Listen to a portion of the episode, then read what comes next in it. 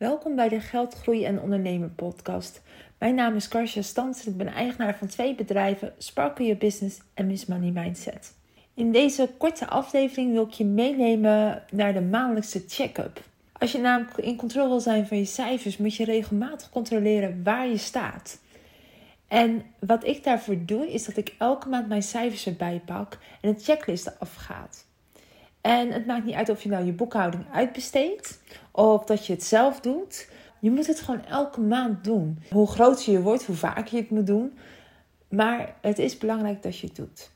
En ook al heb je het uitbesteed, ik hoor zo vaak verhalen dat boekhouders geen cijfers willen geven of dat ze het niet hebben bijgewerkt. Je hebt daar recht op. Ga daar in discussie mee. En als die boekhouder dat niet wil geven, moet je heel snel iemand anders eh, zoeken. Of het zelf, uh, ja, het zelf gaan doen. Het is natuurlijk net hoe, hoe groot je bent. Maar jij hebt recht op je cijfers. En ook op bijgewerkte cijfers. En dat hoeft niks extra's te kosten. Dus dat is even een waarschuwing. Want ik zie, oké, ik hoor heel vaak verhalen dat als mensen dan ook maar één vraag stellen, dat ze gelijk daar 100 euro aan kwijt zijn. Nee, je hebt gewoon recht op je cijfers. Dat over, over hoe je aan je cijfers komt. Doe je het natuurlijk zelf, dan ben je natuurlijk zelf compleet in controle. Wat daarvoor nodig is, of je het nu ook uitbesteedt of of je het zelf doet, werk eerst alles bij. Boek al je inkoopfacturen in of stuur ze naar je boekhouder. Al je bonnetjes moeten erin staan. Verzend al je facturen naar jouw klanten. Dat is natuurlijk ook een hele goede. En als je het zelf doet, werk ook de bank bij. Dus werk eerst even al je administratie bij. Want als, het, als er dingen ontbreken, kan je ook niet goed kijken waar je nu staat. Heb je daar moeite mee? Uh, vind je dat moeilijk? Kan ik je het advies geven om dit gewoon wekelijks te doen. Wacht niet tot de maand voorbij is. Wacht ook niet tot dat je btw-aangifte moet doen en ongeveer verplicht wordt om het te doen. Doe het gewoon een wekelijks momentje. Ik heb bijvoorbeeld maandagochtend altijd mijn wekelijkse administratiemoment. Sommige mensen vinden het fijn op vrijdag om de week af te sluiten. En maak er ook een dankbaarheids iets van. Hè? Als je het vervelend vindt, is ook allemaal mindset. Wat ik altijd doe als ik inkoopfacturen inboek, denk ik: Oh, wat mooi dat ik dat heb kunnen kopen. En wat heeft het me dan opgeleverd? En dat geldt ook voor mijn verkoopfactuur. Ik vind het altijd heerlijk om mijn verkoopfacturen te maken.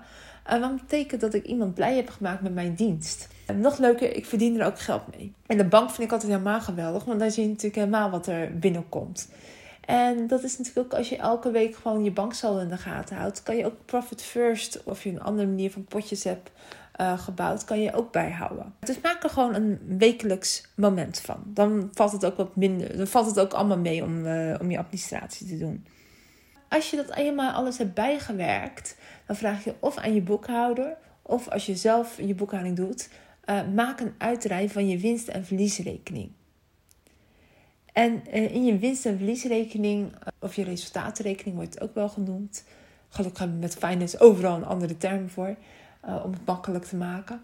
Uh, maar je winst- en verliesrekening zegt eigenlijk hoeveel omzet je hebt en hoeveel kosten je maakt.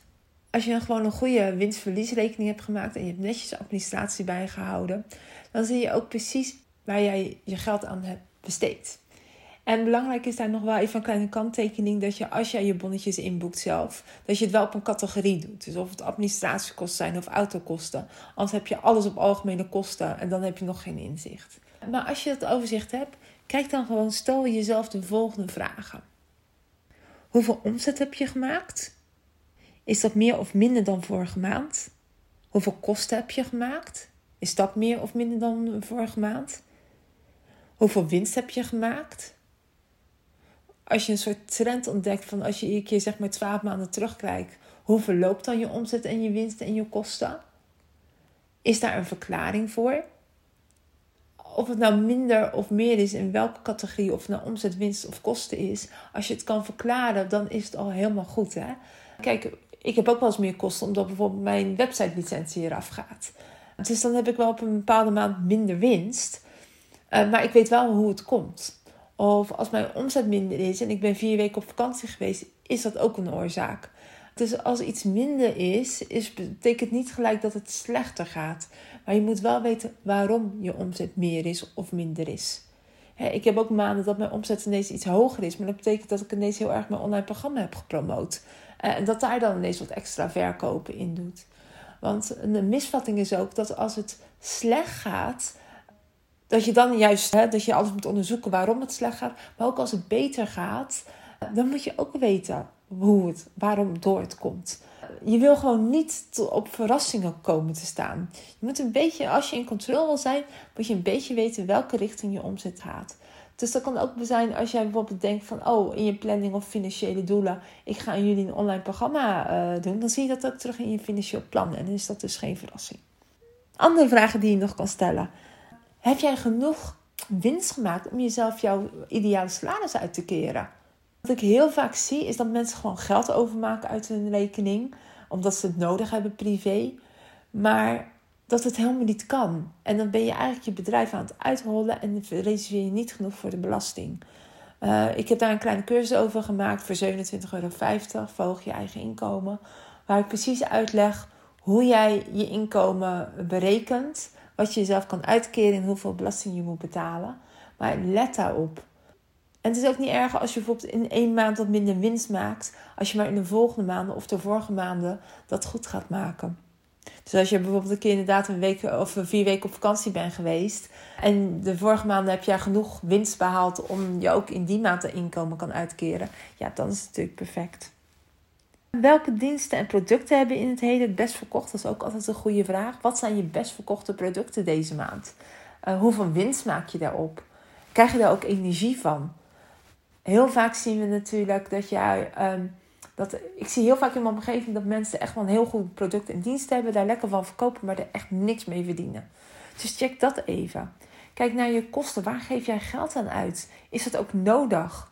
Ik zie ook heel veel mensen die gewoon abonnementen hebben, die uh, echt wel jaren doorlopen, die 1000 euro uh, per jaar kosten. Geldt ook voor je privé-situatie. Hoeveel abonnementen heb jij niet op tijdschriften die jij nooit doorleest? Dat geldt natuurlijk ook voor jou zakelijk. Dus check dat ook heel even. Nou, wat doe ik nog voor de rest meer? En dat is meer eigenlijk op. Je kan, ik doe het maandelijks. Als je wat kleiner bent, kan je dit ook kwartaallijks doen. Uh, maar ik zou dit wel maandelijks doen, is mijn advies. Uh, pak je financieel plan erbij. Pak je financiële doel erbij. En vergelijk deze met de werkelijkheid.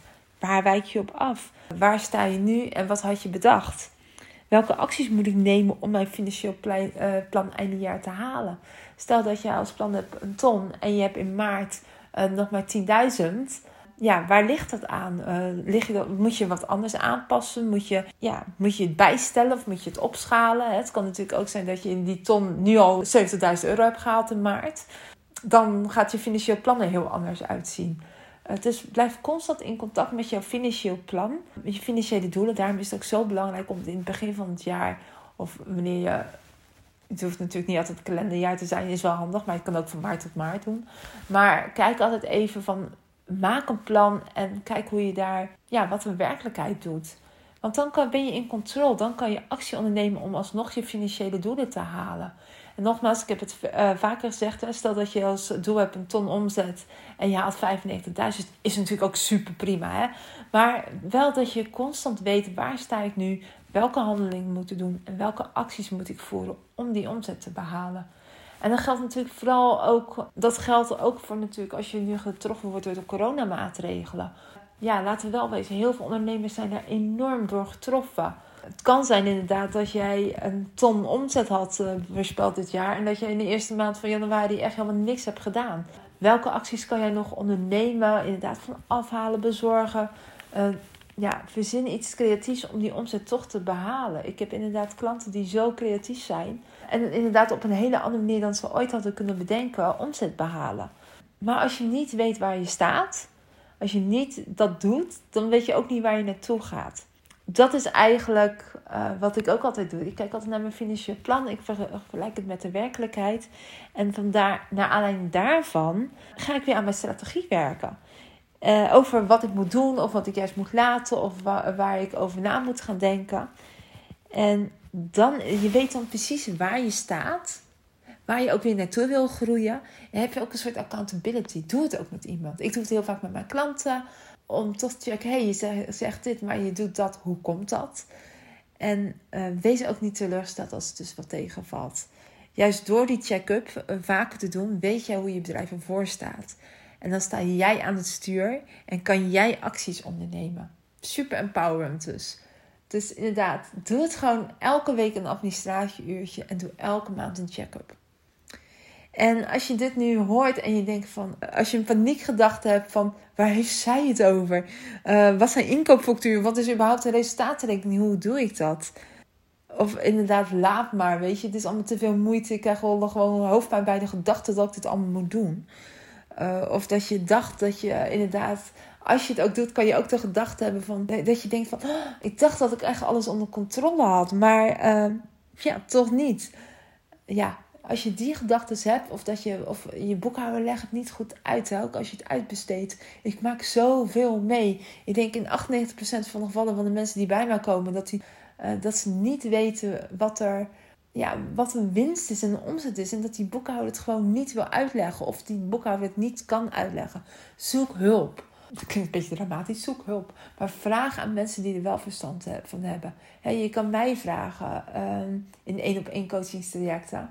Uh, vraag hulp als je het niet weet. Er is niks belangrijkers dan dat je je cijfers kent en weet. En dat je weet waar je nu staat. Want dan kan je actie ondernemen. En dan ben je ook echt een ondernemer. Anders ben je een soort in het donker aan het uh, acties aan het ondernemen. En je weet niet wat er is. Ik hoor ook zo vaak dat mensen zeggen: Ja, maar finance komt pas later. Ik ben eerst acties aan het ondernemen. En dan denk ik: Joh, meid, wat ben je met acties aan het ondernemen? Want uh, leuk dat jij je marketingcampagne doet en je sales en je website.